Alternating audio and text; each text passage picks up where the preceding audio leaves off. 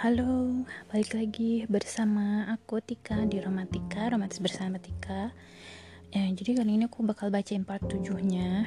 Tapi aku cuma ngingetin buat kalian yang dengerin ini, sebenarnya ini tuh novel yang uh, dewasa gitu kan. Jadi nanti bakal kayak aku bacain ada adegan uh, apa sih bukan adegan ya kayak adegan terus kayak ada uh, maksudnya yang unsur-unsur dewasa. Jadi buat yang uh, masih di bawah umur 18 harap untuk apa ya namanya uh, harap untuk kayak uh, lebih menyaring ini gitu. Maksudnya untuk ya lebih bagus sih udah gak usah dengerin lagi lah gitu kan. Uh, atau enggak kalau misalnya mau dengerin di luar tanggung jawab ya. Tapi lebih bagus sih untuk yang masih 18 ke bawah jangan dengerin deh. Nanti aku akan ada cerita yang emang uh, untuk umuran kalian gitu nanti aku bakal cari ceritanya yang lebih kayak ke remaja soalnya emang aku uh, lebih dewasa jadi buat para pendengar please uh, smart ya oke okay. bagian 7 strange feeling berangkat ke Bijar sendirian dengan motor ninja hitamnya Tori melaju di tengah macetnya kota Jakarta. Walau sudah mengenakan jeans pendek sedengkul, ia masih merasa gerah. Ransel kameranya terasa berat di punggungnya. Jaket kulitnya mulai terasa pengap. Sepatu Converse ankle-nya menapak aspal dengan sigap.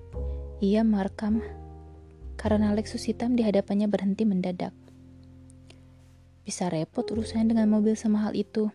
Mengutuk kesal, Tori memencet klakson kesal lalu mengiring motor ke samping sambil menoleh. Walau tidak mungkin orang di dalam mobil melihat wajahnya, dari balik, dari balik helm pulpesnya, supir membuka kaca dan mengangkat tangan diminta maaf. Tori membuka kaca helmnya. Jangan ngerem mendadak, Pak. Tori menunduk dan memperingatkan dengan tegas. Maaf, maaf, Mas. Eh, Mbak. Supir sedikit melongo melihat cewek membawa motor ninja sebesar itu. Tori mengangguk dan menutup helm lagi dan meluncur mulus dan sigap ke tengah padatnya kendaraan. Itu tadi fotografer itu kan? Sekar melongo kaget mengenali pengendara motor itu. Pada Aro yang kembali sibuk dengan berkas-berkasnya. Mereka adalah penumpang Lexus tersebut. Hmm. Gila tuh cewek, kayaknya tomboy banget.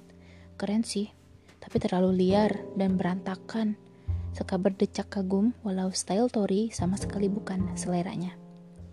Daripada ngomentarin orang, cepet bilang, kenapa kamu pagi-pagi sudah numpang mobilku? Aro menoleh pada adiknya.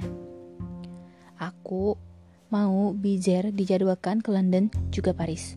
Pinta Sekar cepat. Kalau mau jalan-jalan, kamu bisa pergi sendiri dengan uangmu, sahut Aro datar. No, ini bukan soal jalan-jalan. Adanya kota Paris dan London akan meningkatkan prestis Bizer itu sendiri. Tori memberikan alasan yang sangat bagus kenapa Bizer nggak harus ke London dan Paris. Kalau mau cabut rencana anima printing dengan gaun pesta, kantoran atau liburan. Mas Aro ngebelain cewek urakan itu. Aro melirik tajam pada Sekar yang manja dan mudah ngambek itu. Jangan mempertanyakan keputusanku Sekar. Tori itu fotografer profesional. Levelnya sudah diakui dunia. Ia sudah bekerja dengan hampir seluruh rumah mode ternama di Paris dan Milan. Majalah mode di seluruh Eropa dan Amerika production house Hollywood, bahkan semua perancang mode-mode dunia ingin dipoto olehnya. Jangan anggap enteng Tori karena ia belum punya nama di Indonesia. Ia bekerja sangat efisien dan detail dah, dari hanya mendengar pendapatnya saja. Aro mengeruntukan kening dan mengakui pada dirinya sendiri kalau awalnya ia memang sudah menganggap remeh seorang Tori hanya karena penampilannya. Penyelidikannya atas Tori mengungkap kinerja Tori di luar negeri dan daftar panjang yang menunggu keputusan Tori menerima proyek dari mereka. Mengapa Tori lebih ingin bekerja di dalam negeri yang belum mengenalnya merupakan misteri lain yang ingin Aro ketahui. Bekerja samalah Sekar, ini proyek penting. Aro menutup diskusi soal pekerjaan dengan tegas. Sekar benar-benar kesal, tapi ia mengenal kakak lelakinya. Jika ia sudah memutuskan sesuatu, itu artinya mutlak. Pria ini tertutup, makin tertutup sejak istrinya pergi dengan pria lain. Padahal, Haru amat sangat mencintai perempuan sialan itu. Mas, aku dengar Cindy akan kembali ke Jakarta. Sekar berkata hati-hati. Aro terlihat tegang dan menyembunyikannya dengan cepat. Tidak menanggapi dan tidak peduli. Sesuatu yang tidak sudi Aro dengar di pagi hari. Saat bekerja, Tori memakai sesuatu yang nyaman dan santai. Tidak pernah bekerja di kantoran dan terbiasa bekerja dengan orang asing. Ia datang dengan pakaian santai, amat sangat santai. Tapi ia tidak peduli, ia terbiasa bekerja mementingkan hal dibandingkan tata krama. Tentu saja, staf glitter agak shock melihat Tori datang bekerja dengan pakaian seperti orang mau traveling dengan backpacker. Tapi saat Buniman mulai meminta tolong pada Tori untuk mulai mengelompokkan, memberi masukan pada rencana pemotretan glitter, ia melakukannya dengan sangat sigap, cepat, dan pemikiran yang sangat tajam. Dan Tori menjawab, daring ponselnya dengan enam bahasa asing yang berbeda dan fasih. Mereka tidak lagi perlu peduli soal penampilan Tori. Tori! Panggil Budiman panik setelah makan siang yang seru bersama staf glitter di bento pasput. Yes, ini gawat. Aku minta tolong. Fotografer kami untuk pemotretan sore ini sakit. Yang lain masih di luar kota. Minta tolong gantikan dong. P-nya nanti ganti makan siang selama seminggu deh. Please. Sorry, Pi-nya nanti ganti makan siang selama seminggu deh, please. Budiman memohon panik pada Tori. Tori tertawa. Iya, aku bantu. Cup cup cup, jangan nangis ah, gantengnya hilang tuh. Budiman dan seluruh staf menganga karena betapa cepatnya Tori memberikan bantuan. Bahkan fotografer mereka sendiri perlu dibujuk bahkan meminta tambahan ekstra bayaran karena tugas masing masing fotografer sudah dibagi per hari. Tapi Tori hanya menganggap dengan ringan dan begitu mudah. Eh Thor, kok lo nggak nanya atau sedikitnya nolak gitu pas gue minta tolong tadi? Tanya Budiman saat mereka sedang menunggu setting tempat pemotretan di, studio, di studio dan narasumber sedang dirias. Lo kan minta tolong baik-baik, terus gue juga dapet pri. So, kenapa nolak bantuan buat temen? Tori jawab santai sambil mengecek perlengkapannya. Karena asistennya bukan Ero, tapi dari Glitter, ia mengecek ulang lagi, semua sekali lagi, meminta asistennya untuk membersihkan lensa lagi.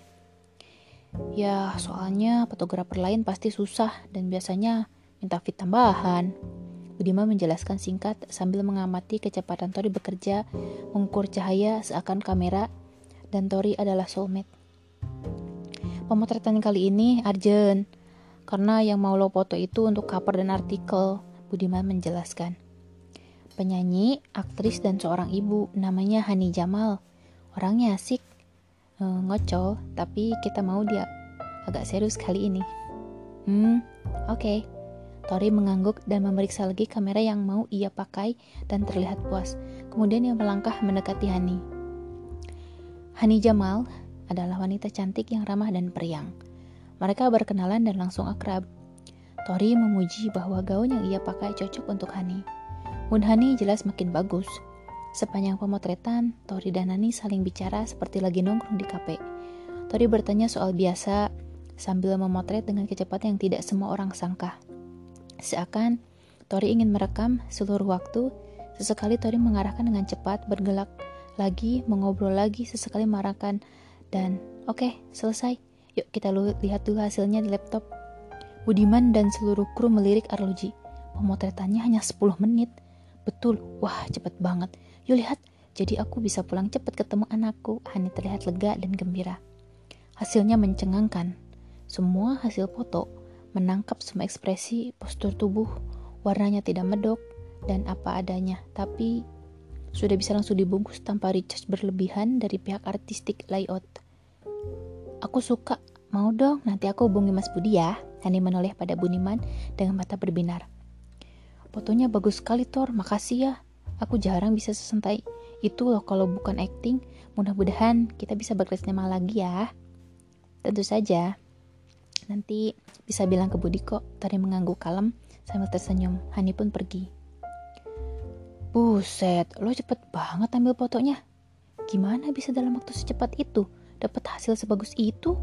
Budiman bertanya saat Tori membereskan kameranya dengan telaten. Hmm, latihan? Jawab Tori sambil nyengir. Buat gue, mengambil foto manusia lebih gampang dibanding ambil foto binatang. Apa? Manusia tinggal disuruh berpose, tapi binatang lo harus nunggu momen yang paling bagus. Waktunya bisa berjam-jam. Foto pertama gue, anak singa menyusui. Gue harus mengamati jabal mereka selama dua hari. Nunggu mereka berburu, masuk ke sarang dengan dilumuri, dilumuri lumpur, agar bau gue nggak kecium. Nunggu hampir 8 jam, totalnya hampir 10 jam, hanya untuk foto itu. Ini fotonya. Karena ini yang paling berharga buat gue, gue gak pernah jual ke siapa pun. Tori mengeluarkan sebuah foto ukuran 4R yang ada di buku agenda dan menunjukkan itu pada Budiman. Budiman terbelalak melihat foto singa yang sedang menyusui itu. Membutuhkan waktu begitu banyak hanya untuk pose sederhana tapi intim dan mengharukan itu. Aku mau beli itu, sebuah suara mengejutkan Budiman dan Tori dari arah belakang mereka. Tori menoleh dan mendapati seorang pria yang cukup jangkung, tampan, dengan senyum lebar menawan yang ramah dan hangat. Ia mengenakan kemeja mahal, dasi dan sweater rajut ala Inggris. Rambutnya berpotongan cepak dan wajahnya klimis. Pria itu bisa membuat wanita normal mana pun dalam jarak 10 meter menjerit pingsan. Tori mengerjapkan mata agar yakin makhluk mempesona ini di hadapannya bukan Fata Morgana. Pak Marcel, Bikin kaget saja, Budiman tertawa sambil mendesah lega, melihat siapa yang menegur mereka. Oh iya, Tori, kenalkan ini Pak Marcel. Beliau Direktur Pemasaran Bijar Group. Pak, kenalkan ini fotografer edisi ul Ultah yang khusus kita undang, Tori. Iya, suka ribut membicarakan fotografer yang trik yang bikin heboh. Ternyata manis dan imut ya. Marcel menatap Tori dengan hangat sambil tetap tersenyum ramah. Tori membalas senyum itu lebih lebar. Terima kasih, saya jarang digolongkan manis dan imut. Tangannya dengan cepat menutup agendanya. Kamu memang manis dan imut kok, Marcel berkata sungguh-sungguh dan menghilangkan seringannya. Tori tertawa lagi dan menyerah. Baik-baik, tapi pujian tetap nggak akan membuat saya menjual foto tadi. Ah, benarkah? Sayang sekali, Marcel kelihatan kecewa. Kalau begitu, sebagai gantinya, bagaimana dengan makan malam? Seisi ruangan langsung hening dengan ajakan spontan itu. Semua berhenti bergerak demi mendengar undangan frontal dan spontan dari direktur pemasaran yang tampan dan idola di perusahaan itu. Tori melongo menghadapi ajakan pria itu. Begitu mendadak dan sangat mengejutkan. Apa? Tori hanya menyahut dengan sangat bodohnya. Ia sudah lama tidak mengalami pendekatan antara pria dan wanita. Makan malam, aku dan kamu. Marcel mengangkat alisnya, menegaskan ajakannya. Wah, ini pasti ajang taruhan ya? Atau hanya karena Anda penasaran sama saya dan ingin tahu soal saya, ya kan? Tori memeningkan kepala dan bertolak pinggang menghadapi Marcel. Gak ada taruhan, tapi ya saya penasaran sama kamu. Marcel makin tertarik dengan sikap berani Tori.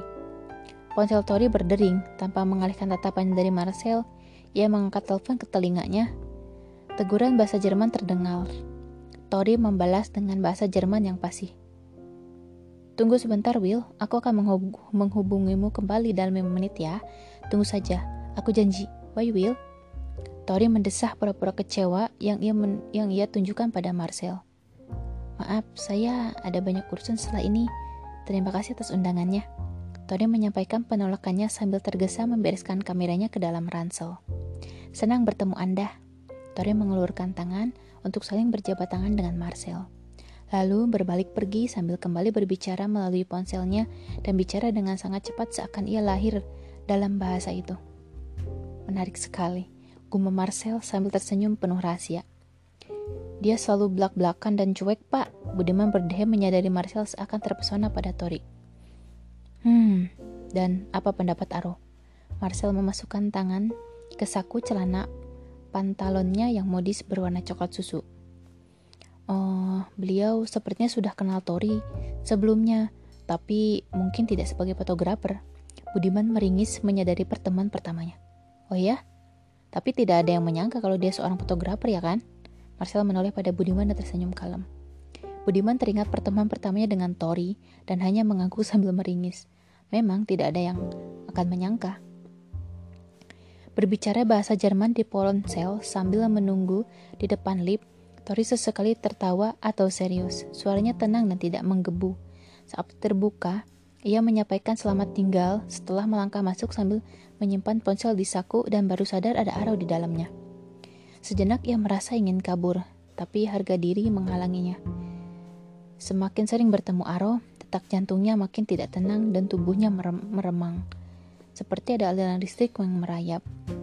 Terlebih mereka hanya berdua. Selamat malam pak, sapa Tori, berusaha tetap santai di antara rasa gugupnya. Si iblis dingin ini hanya menatapnya tajam dan mengangguk singkat. Sombong sekali. Tori pun tidak bicara apa pun lagi dan menatap tidak sabar ke nomor lantai digital yang dilewati lip itu.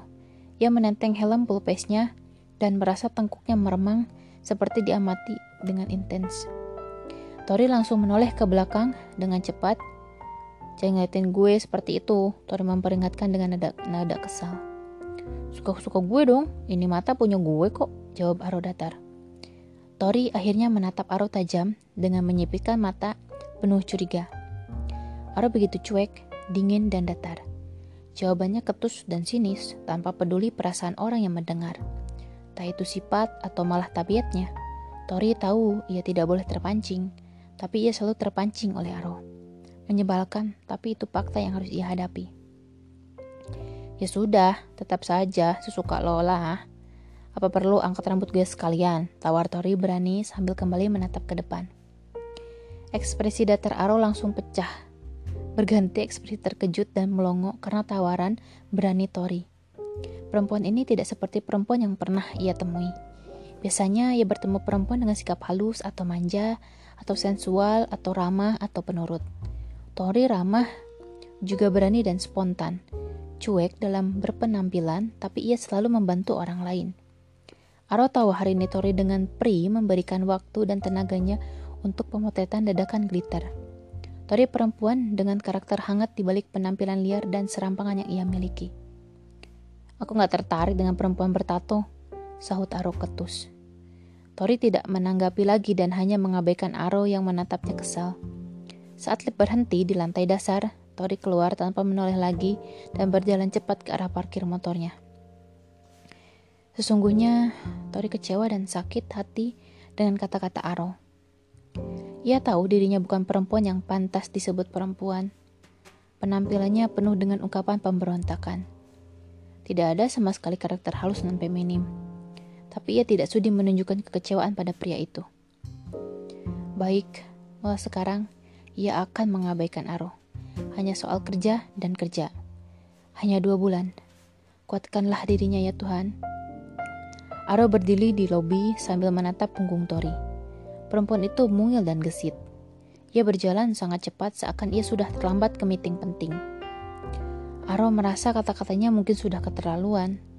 Tori tidak memandangnya lagi walau lirikan kesal sekalipun. Tidak memberinya lambaian singkat seperti waktu di taman dan tempat parkir. Dan entah mengapa dadanya terasa nyeri. Paro, mari, mobil sudah menunggu. Paul datang dari arah pintu lobi dan menghampiri Aro dengan bergegas.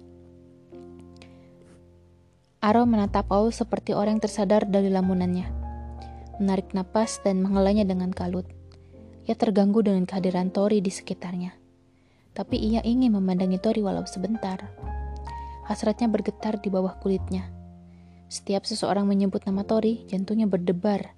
Saat Tori berada di sekitarnya, dan ia terangsang hanya dengan menghirup aroma rumput segar yang tercium dari tubuh Tori. Kesal karena ia sadar bahwa ia mulai tertarik pada Tori dengan cara yang sangat aneh. Oke, itulah part 7 dan uh, aku pesan sekali lagi ini udah mulai ada uh, apa ya maksudnya hasrat-hasrat dewasa gitu. Jadi buat kalian para pendengar, please uh, uh, smart gitu kan, please uh, pintar-pintar milah-milah milah-milah pokoknya uh, aku nggak mau kayak ngerusak uh, apa ya pemikirannya seorang atau emang kayak jadi eh, contoh yang buruk seperti itu ya. Jadi mohon untuk untuk menjadi pendengar yang eh, lebih pintar lagi dan yang sesuai dengan eh, ketentuan yang berlaku. Jadi mohon untuk yang 18 uh, kurang jangan dengerin ini aja. Nanti aku bakal bikin yang aku bakal bacain lagi nanti cerita yang emang lebih remaja gitu ya. Oke, selamat mendengarkan. thank you